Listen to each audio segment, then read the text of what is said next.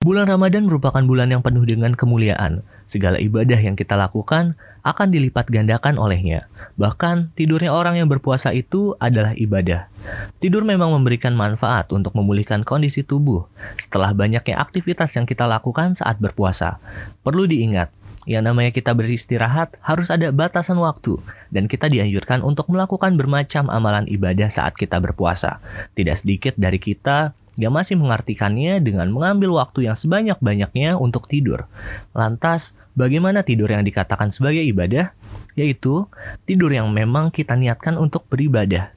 Maka kalau kalian tidur hanya untuk malas-malasan saja, tanpa ada ibadah ketika berpuasa, maka tidurnya tidur yang sia-sia. Namun kalau niatan tidurnya untuk kuat menjalankan salat raweh dan menjalankan ibadah lainnya, maka inilah yang dinamakan tidur yang diartikan sebagai ibadah puasa harus tetap produktif.